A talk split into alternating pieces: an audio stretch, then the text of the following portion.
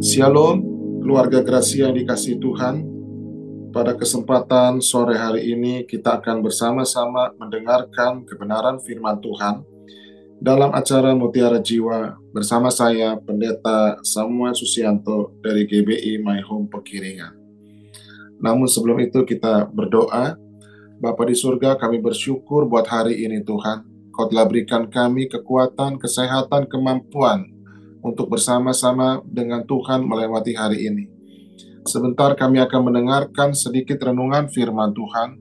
Biarlah dari yang sedikit ini menjadi kekuatan dan rema dalam kehidupan kami. Terima kasih Bapa, urapi kami semua dengan segala kebaikan dan kasih karunia-Mu. Terpuji namamu yang kudus, di dalam nama Tuhan Yesus Kristus kami berdoa dan bersyukur. Haleluya, amin. Sekali lagi shalom saudaraku yang kekasih, Bagaimana kabarnya saudara pada hari ini? Saya berdoa kita semua dalam keadaan baik-baik saja di hadapan Tuhan. Pada sore hari ini saya akan bagikan sesuatu untuk kita renungkan, yaitu perihal dosa dan penderitaan. Di dalam Alkitab ada sebuah kisah sebagaimana Tuhan menunjukkan kasihnya, kebaikannya untuk kita melepaskan dosa agar tidak ada penderitaan dalam kehidupan setiap orang percaya. Memang penderitaan selalu ada, tetapi dengan kemampuan ilahi, setiap kita diberikan kemampuan untuk tidak berbuat dosa di hadapan Tuhan. Di dalam Lukas pasal 13 ayat 1 sampai 5. Lukas pasal 13 ayat 1 sampai 5. Demikian firman Tuhan. Pada waktu itu datanglah kepada Yesus beberapa orang membawa kabar tentang orang-orang Galilea yang darahnya dicampurkan Pilatus dengan darah korban yang mereka persembahan. Yesus menjawab mereka, Sangkamu orang-orang Galilea ini lebih besar dosanya daripada dosa semua orang Galilea yang lain? Karena mereka mengalami nasib itu? Tidak. Kataku kepadamu, tetapi jikalau kamu tidak bertobat, kamu semua akan binasa dengan atas cara demikian. Atau sangkamu ke-18 orang yang mati ditimpa menara dekat Siloam lebih besar kesalahannya daripada kesalahan semua orang lain yang diam di Yerusalem? Tidak, kataku kepadamu, tetapi jikalau kamu tidak bertobat, kamu semua akan binasa atas cara demikian. Bapak Ibu Saudara kasih, coba kita lihat anugerah Allah yang ajaib dalam hidup kita selama kita berada di bawah payung kasih karunia Allah. Apa pun yang terjadi di bawahnya, Mari kita belajar dengan rendah hati untuk menikmati, menghadapi dengan sukacita, dan memuliakan Allah karena itu penting dalam hidup kita. Saudara yang kasih, kita akan belajar bersama-sama ada bagian-bagian yang cukup sulit dari teks yang kita baca pada sore hari ini. Mari kita renungkan bersama-sama. Perhatikan ayat yang pertama. Pada waktu itu datanglah kepada Yesus beberapa orang membawa kabar tentang orang-orang Galilea yang darahnya dicampurkan Pilatus dengan darah korban yang mereka persembahkan. Di zaman Tuhan Yesus ada sebuah peristiwa yang menggemparkan sekaligus mengerikan saudara. Ada orang-orang Galilea yang datang ke rumah Allah, beribadah kepada Allah, membawa korban persembahan, tetapi kemudian Pilatus menjatuhkan hukuman mati di rumah Allah tersebut. Orang-orang itu disembeli, darahnya dicampurkan dengan korban persembahan yang mereka bawa. Mengerikan sekali saudara peristiwa ini. Kemungkinan besar orang Galilea ini adalah para pemberontak yang ingin mengusir pemerintahan Romawi yang sedang menjaga Israel pada zaman itu. Saudara, Pilatus menjatuhkan hukuman mati dengan cara yang tidak sopan yang sangat mengerikan di bait Allah. Orang-orang ini membawa kabar kepada Tuhan Yesus dengan maksud jahat menyindir. Pilatus menjatuhkan hukuman mati di bait Allah, berarti Pilatus benar dan orang-orang Galilea ini salah. Kenapa? Ketika Pilatus memenggal kepala orang-orang Galilea, darahnya dicampurkan dengan darah korban persembahan yang mereka bawa. Kenapa Allah tidak menghentikan perbuatan Pilatus? Karena itu di Allah, saudara. Kenapa Allah tidak menghentikan Pilatus perbuatannya? Jika Pilatus salah, seharusnya Tuhan menghentikan Pilatus. Faktanya Allah tidak menghentikan Pilatus. Dalam pemikiran, berarti orang-orang Galilea ini adalah orang-orang yang jahat. Mereka yang memberi kabar kepada Tuhan Yesus bermaksud menyindir. Kenapa? Karena Tuhan Yesus orang dari Galilea. Dan murid-murid Tuhan Yesus pun adalah orang-orang Galilea. Mereka mau mengatakan seperti itulah orang-orang Galilea, seperti engkau dan murid-muridmu jahat. Itu sebabnya Tuhan Yesus menjawab dari tulisan Alkitab yang kita baca, pasal tadi ayat 2 sampai 5 berkata demikian. Jawab Tuhan Yesus. Pada waktu Tuhan Yesus menjawab dari semua peristiwa yang ada dari kata orang-orang yang menyampaikan pesan itu, Saudara. Itu sulit untuk kita mengerti dari jawaban Tuhan Yesus. Orang-orang ini membawa kabar kepada Pilatus dan Tuhan Yesus menjawab, Sang kamu orang-orang Galilea yang orang Galilea ini lebih besar dosanya daripada dosa semua orang Galilea yang lain. Arti yang dipenggal itu karena mereka mengalami nasib itu Tuhan berkata tidak kataku kepadamu tetapi jikalau kamu tidak bertobat kamu semua akan binasa dengan atas cara demikian perhatikan perkataan Tuhan Yesus Tuhan Yesus bicara, sang kamu orang-orang ini dosanya lebih besar dari orang-orang Galilea. Dan Tuhan berkata, tidak. Tetapi jikalau kamu tidak bertobat, kamu semua akan binasa atas cara yang demikian. Jadi, Yesus tidak menyangkali orang-orang Galilea ini karena dosa-dosanya. Ya, tapi mereka mengalami kemalangan seperti itu bukan karena dosa mereka lebih besar dari dosa orang-orang Galilea yang lain. Tadi Tuhan Yesus disindir. Mari perhatikan ayat keempat.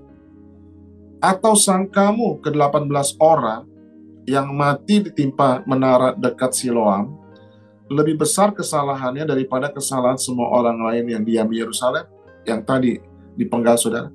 Yesus berkata, tidak.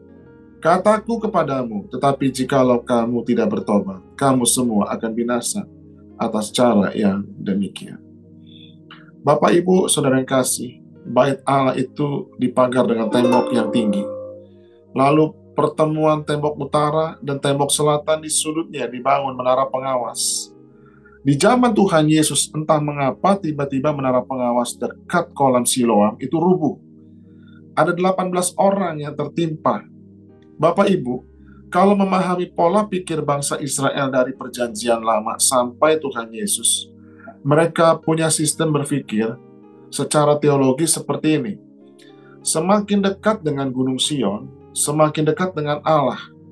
Kenapa? Karena bait Allah letaknya di Gunung Sion. Gunung Sion dekat kota wilayah Yerusalem. Jadi konsep berpikir mereka semakin dekat dengan bait Allah, semakin dekat dengan Allah, semakin dekat dengan kota suci Yerusalem, maka kita semakin dekat dengan Tuhan. Itu konsep berpikir mereka di Perjanjian Lama. Sehingga mereka yang tinggal di sana merasa lebih suci, lebih benar, dan lebih baik. Itu sebabnya Yesus menyindir dengan kata sang kamu.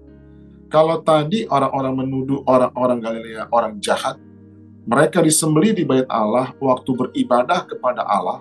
Sekarang Tuhan Yesus mengatakan, Sang kamu 18 orang yang tertimpa menara di kolam Siloam itu dosanya lebih besar daripada seluruh penduduk Yerusalem. Yesus mau mengatakan apa? Orang yang tertimpa menara, mereka juga orang berdosa. Tetapi mereka tertimpa di kolam Siloam. Bukan karena dosanya lebih besar dari orang-orang di Yerusalem itu yang tegaskan Tuhan Yesus berkata, tidak. Perhatikanlah hal penting untuk kita renungkan dari pembacaan firman Tuhan tadi. Jadi, jika orang yang membawa korban di bait Allah, dosanya, saya umpamakan dengan angka 100, Yesus berkata, dosa orang ini tidak lebih besar dari penduduk Galilea yang lain. Kalau begitu, orang ini yang tadi nilainya berdosa 100, kita anggap orang Galilea itu juga berdosa 100. Sama. Karena Yesus katakan orang-orang itu tidak lebih besar dosanya. Berarti orang yang disembeli dosanya juga mempunyai nilai yang sama, saudara, yaitu 100. Dan orang-orang Galilea juga yang tertimpa menara 100. Pertanyaannya, kenapa orang ini beribadah di bait Allah kok disembelih, mengalami malapetaka, kemalangan? Kok orang Galilea yang tadi, yang lain, tidak sama seperti orang di kolam Siloam. Kalau orang di kolam di Siloam, kalau orang itu berdosa, kita kasih nilai dosanya 100 lagi, maka penduduk Yerusalem pribadi-pribadi berarti dosanya sama juga 100. Karena Yesus berkata, orang ini mati bukan karena dosanya lebih besar. Kalau begitu dosanya yang lebih besar, yang sana juga sama. Pertanyaannya, kenapa ini mati ditimpa menara? lalu yang lain tidak. Kenapa bisa begitu, saudara? Mari perhatikan apa yang dikatakan Tuhan Yesus. Orang-orang yang mengalami kemalangan ini. Tuhan berkata orang-orang yang mengalami kemalangan ini. Bukan karena dosa mereka lebih besar. Bukan, karena Yesus berkata tidak. Pelajaran apa yang kita dapat petik dari kisah ini? Saudara, yang pertama kita harus tahu, Tuhan tidak memperlakukan kita setimpal dengan kesalahan. Kalau Tuhan memperlakukan kita setimpal dengan kesalahan, maka kita tidak dapat menanggung kehidupan yang terlalu berat. Apa artinya? Tuhan memperlakukan kita berbeda walaupun dosanya sama. Cara Tuhan memperlakukan berbeda orang di zaman Tuhan Yesus mulai dari perjanjian lama sampai zaman Tuhan Yesus. Saudara, kita melihat di dalam perjanjian lama, yaitu model iman retribusi di perjanjian lama. Kalau orang Israel taat, dia beroleh berkat. Kalau tidak taat, orang-orang Israel beroleh kutuk. Apakah itu benar? Benar menurut versi perjanjian lama. Yesus berbicara, sang kamu orang yang tertimpa menara lebih besar dosanya. Saudara mengerti konsepnya retribusi? Jadi mungkin yang tertimpa menara ini Saudara, Tuhan katakan apa dia dosa lebih besar karena ditertimpa menara? Saudara, memang iman retribusi dalam perjanjian lama menganut hukum yang demikian. Itu boleh dikatakan benar. Tetapi Tuhan tidak dapat ya dikurung dengan konsep bahwa Allah harus bekerja secara mekanis dengan pola-pola pemikiran orang-orang Yahudi pada waktu itu. Allah kita Allah yang berdaulat, berhak bekerja di luar sistem itu. Allah ingin mengajarkan kepada kita bahwa Allah tidak suka dikurung dengan model hukum seperti itu. Dia terlalu besar untuk dikurung dengan konsep teologi yang bersifat retribusi di dalam perjanjian lama seperti itu. Dia bisa keluar dan bergerak dengan cara yang berbeda dalam konsep kehidupan Allah. Contoh, di dalam perjanjian lama, kita lihat adalah kisah Ayub. Ayub punya empat klaster dalam hidupnya. Dia orang yang saleh, jujur, takut akan Allah, dan menjauhi kejahatan. Apa yang dia dapat dalam kehidupannya? Dia dapat kutuk. Tapi bandingkan dengan Henok yang hanya punya dua klaster. Dia diangkat naik ke surga. Ayub hanya punya empat klaster, dibiarkan kena kutuk di dunia ini. Allah berhak bekerja di luar konsep iman retribusi seperti yang adalah perjanjian lama. Allah kita Allah berdaulat. Siapa yang dapat membatasi kuasa Allah? Itulah sebabnya dalam jawaban Tuhan Yesus, Tuhan Yesus memberitahukan, Tuhan tidak memperlakukan kita setimpal dengan kesalahan kita. Jika Allah memperlakukan kita setimpal dengan kesalahan kita, maka hari ini kita tidak ada di tempat ini karena kesalahan kita begitu banyak. Daud tahu benar kebenaran ini. Dia berkata dalam Mazmur 103 ayat yang ke-10. Tidak dilakukannya kepada kita setimpal dengan dosa kita.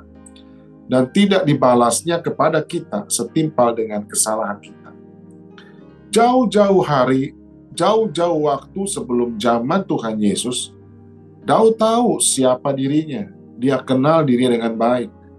Daud tahu dia itu jahat, Bapak Ibu saudara kasih, kadang-kadang ingin menjaga firman Tuhan, kita melindungi firman Tuhan, ingin dalam tanda kutip menolong Allah, kita ingin menjaga nama baik Allah, sampai-sampai kita baca tokoh seperti Daud, Abraham yang kita lihat hanya sisi baiknya saja.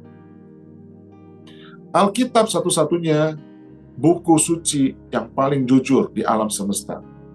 Oleh karena itu, harus jujur, kita ini harus jujur mendekati firman Allah. Perhatikanlah Daud orang yang hebat. Dalam perjanjian baru, orang yang berkenan kepada Allah atau orang yang diberkati Allah. Daud tahu dia pun itu rusak, saudara. Tuhan memperlakukan dia tidak setimpal dengan kesalahannya. Kalau kesalahan yang diberi nilai seumpama seribu, Tuhan hanya hukum sepuluh.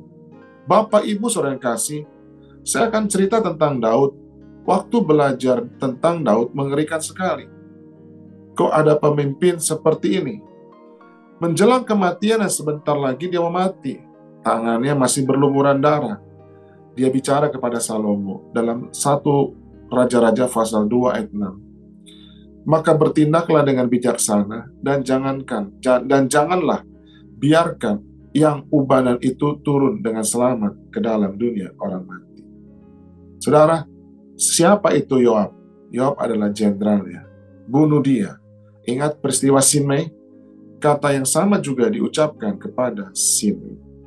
Dalam satu Raja-Raja pasal 2 ayat 9 berkata, Sekarang janganlah bebaskan dia dari hukuman, sebab engkau seorang yang bijaksana dan tahu apa yang harus kau lakukan kepadanya untuk membuat yang ubah dan diturun ke dalam, turun dengan berdarah ke dalam dunia orang mati.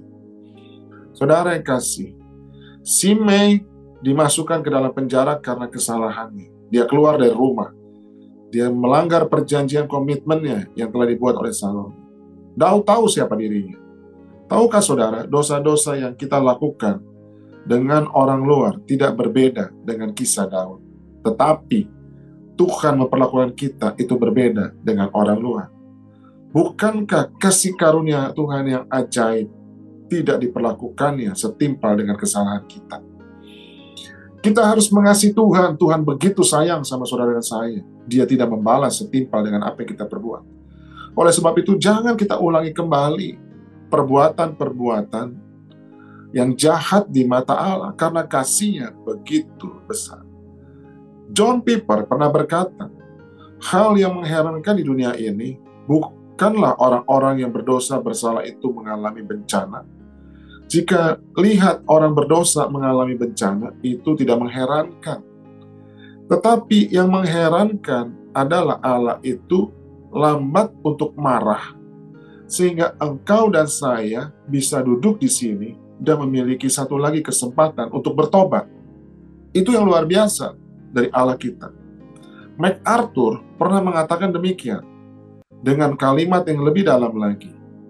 Pertanyaannya, mengapa Allah menghukum mati Sodom dan Gomora? Mengirim tulah kepada orang-orang Mesir, tetapi mengapa Allah masih bersabar dan berbelas kasihan membiarkan kita semua orang yang berdosa dan bersalah ini masih bernafas. Kita masih bisa tertawa, kita masih bisa bekerja, kita masih bisa bersenang-senang. Jawabannya adalah Tuhan memberikan kita semua orang berdosa kesempatan untuk bertobat. Saudara, supaya apa? Supaya kita tidak mengalami kebinasaan. Intinya, Tuhan tidak memperlakukan kita setimpal dengan kesalahan kita. Itu semua dilakukan karena anugerahnya yang ajaib buat saudara dan saya. Apakah Allah itu kejam? Apakah Allah itu sadis? Tidak, dia Allah yang penuh dengan kasih. Oleh sebab itu kita harus sungguh-sungguh bertobat sama Tuhan. Hari ini kita bisa bertemu di dalam satu program Mutiara Jiwa. Karena dia memperlakukan kita berbeda. Kalau tidak, tidak ada seorang pun yang kita dapat bertemu pada sore hari ini. Yang kedua, poin apa lagi yang kita dapat dari peristiwa yang kita baca tadi? Kemalangan orang lain seharusnya menjadi panggilan pertobatan bagi kita. Perhatikan, Orang-orang Galilea maupun orang-orang di dekat kolam Siloam mengalami kemalangan. Mereka mati karena dosa mereka, itu betul, saudara. Tetapi seharusnya peristiwa itu membuat orang-orang yang membawa kabar kepada Tuhan Yesus, mereka introspeksi diri, lalu bertobat, berubah diri mereka. Tapi faktanya enggak. Kemalangan orang lain dieksploitasi begitu rupa untuk menyerang Tuhan Yesus, menyindir dengan maksud jahat. Kemalangan orang lain dipakai untuk mendatangkan keuntungan bagi diri mereka sendiri. Kemalangan orang lain dipakai untuk memuaskan amarah, egois pribadi, kebencian mereka kepada Tuhan Yesus. Seharusnya kemalangan orang lain dijadikan alat untuk mereka introspeksi dan bertobat.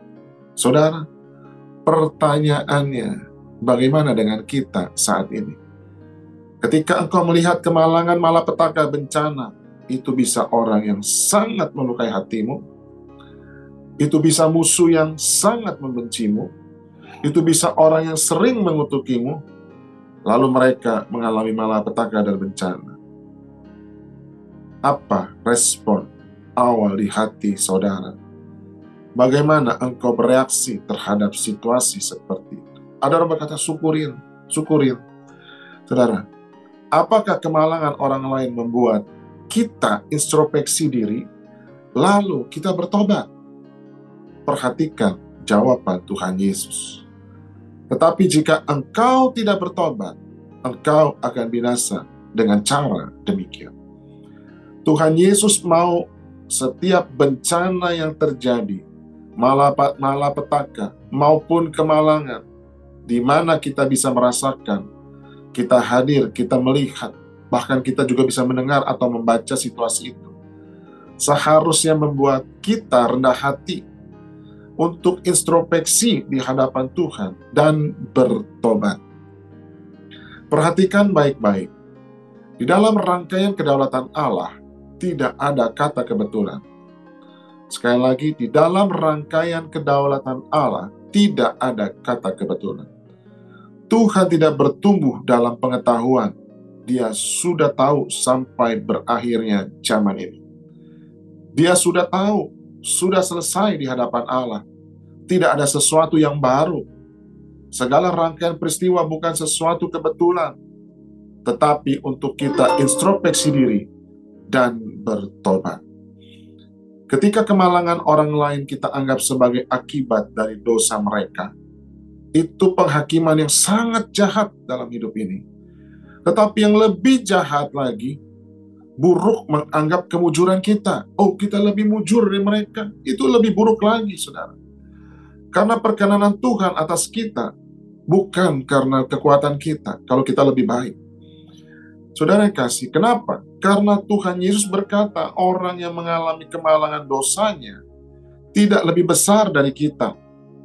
Semua sama orang berdosa. Jadi kalau kita mengalami kemujuran atau hidup beruntung, bukan karena kita begitu suci, bukan karena kita begitu benar, bukan karena kita begitu lebih baik, bukan saudara. Kalau kita tidak mengalami kemalangan, itu semua karena anugerah Tuhan yang memelihara kita. Karena kasih karunia-Nya yang ajaib ada dalam hidup kita.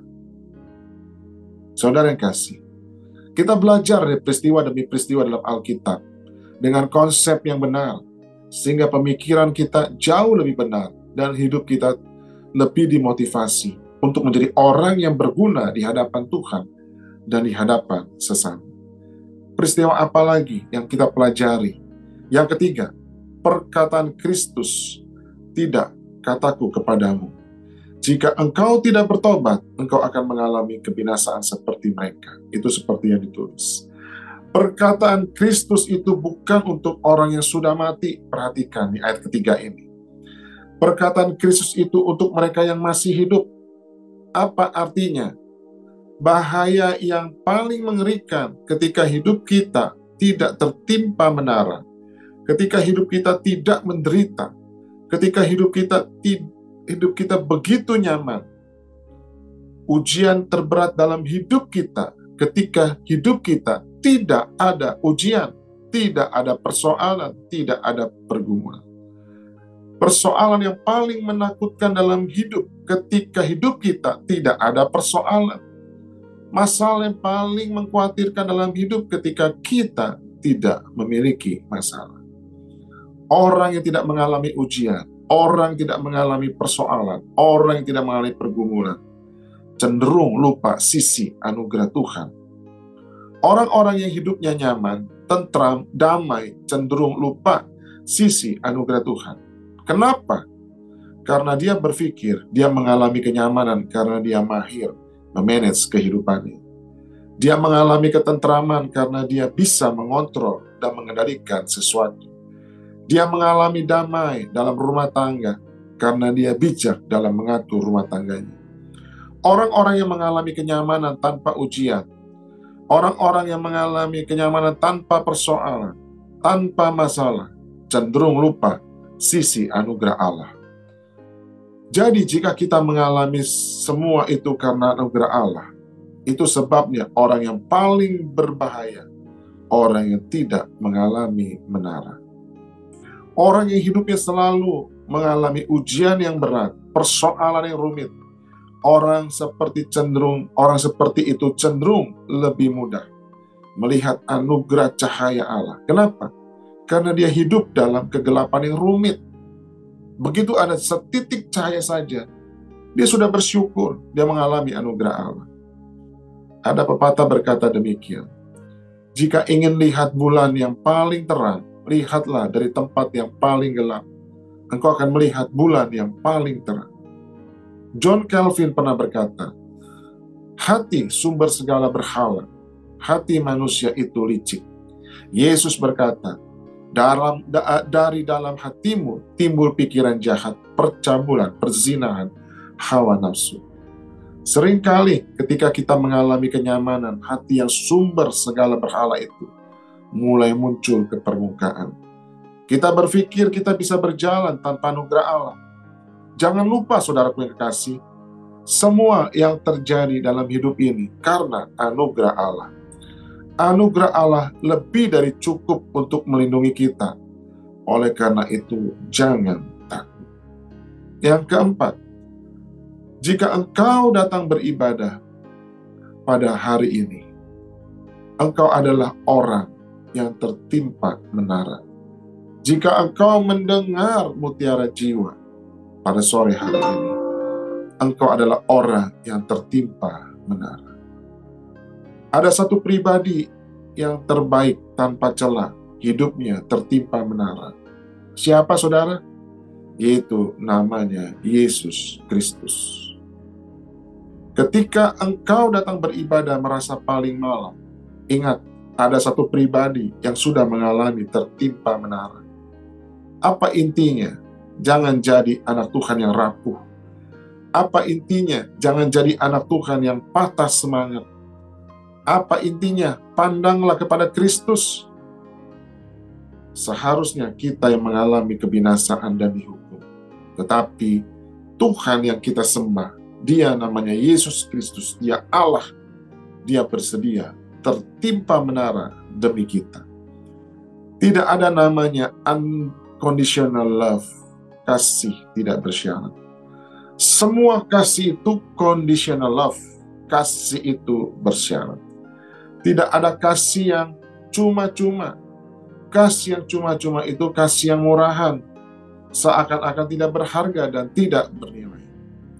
Kasih Allah itu sangat mahal. Ingat baik-baik. Kasih Allah selalu bersyarat. Kasih Allah berharga. Tidak unconditional love. Tetapi syaratnya sudah dibayar. Yesus lunas di atas kayu salib Harganya terlalu mahal dan dibayar lunas di kayu salib. Untuk kasih Allah sampai kepada kita, Dia telah membayar dengan harga yang mahal. Harganya adalah darahnya sendiri yang suci. Kristus telah membayarnya di atas kayu salib dan dia berkata, selesai dan lunas. Jadi tidak ada kasih yang tidak bersyarat, semua kasih bersyarat. Jangan jadi anak Tuhan yang cengeng dan rapuh, saya mau katakan. Perhatikanlah yang kelima, ayat 3 dan 5. Tuhan Yesus berkata, Tidak, kataku kepadamu, tetapi jikalau kamu tidak bertobat, kamu semua akan binasa atas cara demikian. Ada dua kata pertobatan dalam bahasa Indonesia. Saudara, di dalam bahasa Indonesia itu tidak terlihat perbedaannya, datar saja. Tapi dalam bahasa Yunani, perbedaan sangat menyolok. Perhatikan cara Lukas menuliskan waktu Tuhan Yesus berkata, Tidak jika engkau tidak bertobat. Ayat 3, Lukas menggunakan kata Yunani, metanoete. Metanoia, itu kata benda artinya pertobatan. Metaneo artinya saya bertobat, saya berubah pikiran. Karena itu pertobatan merubah akal budi. Perhatikan cara Lukas mencatat metanoete, bentuknya present continuous tense, secara terus-menerus orang harus bertobat. Ayat 5, cara Lukas menggunakan kata metaneo esate. Akhiran sate ini bentuk dalam bahasa Yunani itu auris. Peristiwa di masa lampau sekali dan tak terulangi lagi. Sekali lagi di ayat kelima, Lukas menggunakan kata metano esate. Akhiran sate ini berbentuk dalam bahasa Yunani itu auris. Peristiwa di masa lampau sekali dan tidak terulangi lagi. Jadi apa artinya? Peristiwa di mana kita bertobat pertama kali mengalami kelahiran baru menerima Yesus sehingga Tuhan Yesus sebagai juru selamat hidup kita. Lalu kita menerima baptisan Metano estate itu peristiwa sekali dan tidak diulangi lagi.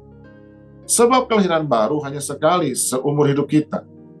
Tetapi pertobatan bukan metano estate. Pertobatan adalah metanoete. Setiap hari kita harus bertobat. Jadi di dalam kekristenan pertobatan ada dua. Yaitu pertobatan kelahiran baru. Pada waktu awal kita menerima Yesus juga ada pertobatan setiap hari untuk serupa seperti Yesus, gambaran Yesus. Bapak, Ibu, Saudara kasih, engkau hidup menikmati keajaiban dan kasih karunia Allah. Oleh sebab itu, kita harus hidup di dalam pertobatan. Kenapa? Karena kita hidup satu kali, satu hari tidak akan lolos dari berbuat dosa. Satu hari ini pasti ada dosa yang kita perbuat. Tidak mungkin kita tidak berbuat dosa. Kita tidak akan pernah lolos dari dosa. Jika ada ruangan tertutup dengan kaca sedemikian rapat, pasti masih ada debu di dalamnya. Semua kita tidak ada satu hari pun lolos untuk hidup dari berbuat dosa. Baik yang disengaja maupun yang tidak disengaja. Melalui firman Tuhan pada sore hari ini, perhatikanlah, jika engkau tahu sesuatu yang baik, tetapi engkau tidak melakukannya, engkau berdosa. Jika kita tahu membaca dan merenungkan firman Allah itu baik, tetapi kita tidak melakukannya, itu artinya kita berdosa. Biarlah pada sore hari ini renungan firman Tuhan yang kita dapat memotivasi hidup kita bersama-sama sehingga kita menjadi hidup yang lebih berkenan di hadapan Allah, berguna bagi Allah dan sesama. Amin.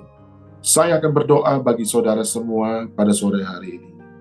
Untuk Tuhan berikan kekuatan kepada kita, supaya kita mau melakukan ajaran-ajaran Tuhan dari firman Allah dengan benar, supaya hidup kita berkenan kepada Allah. Mari saudara, kita satukan hati di hadapan Tuhan. Bapa kami yang di surga, dikuduskanlah namamu, jadilah kehendakmu di bumi seperti di surga. Apa yang kau berikan sejak kami lahir dari bumi ini, kami diminta oleh engkau berjalan dalam kebenaran, karena kasihmu yang begitu besar menuntut kami. Biar kami meresponi setiap ayat firman Tuhan yang kami renungkan dan baca setiap hari. Kami mau hidup dalam pertobatan setiap hari bersama dengan Tuhan. Kami mau hidup benar bersama dengan Tuhan. Ajar kami, biarlah mata hati kami selalu memandang ke atas. Kami mau melihat keajaiban Tuhan sedang terjadi dalam kehidupan kami. Yang membawa kami lebih lagi berkenan di hadapan Tuhan dan lebih berkenan di hadapan Tuhan. Jauhkanlah kami dari segala kuasa-kuasa kegelapan yang membuat hidup kami menjadi egosentris. Jauhkan kami segala orang-orang yang hendak mempengaruhi kami dari pengaruh duniawi, keadaan, dan apa pun. Biar kami menjadi orang yang Tuhan pakai memuliakan namamu dan berguna bagi kami semua. Semua peristiwa, persoalan, pergumulan, apa pun yang sedang dihadapi, itu Tuhan mengajarkan kepada kami bahwa kami adalah manusia biasa yang butuh anugerah Tuhan. Terima kasih buat sore hari ini Tuhan. Kiranya berkat Tuhan, kasih karunia Allah melingkupi seluruh kehidupan kami. Saudara-saudara yang kasih, terimalah dan bawalah berkat damai sejahtera. Kasih karunia berlimpah-limpah dari Bapa di surga sukacita dan kebenaran dari anak yang tunggal Tuhan Yesus Kristus turun kepada kita semua sekarang bahkan sampai selama-lamanya. Mari kita percaya mengasihi Tuhan bersama-sama katakan amin. Haleluya. Tuhan Yesus memberkati.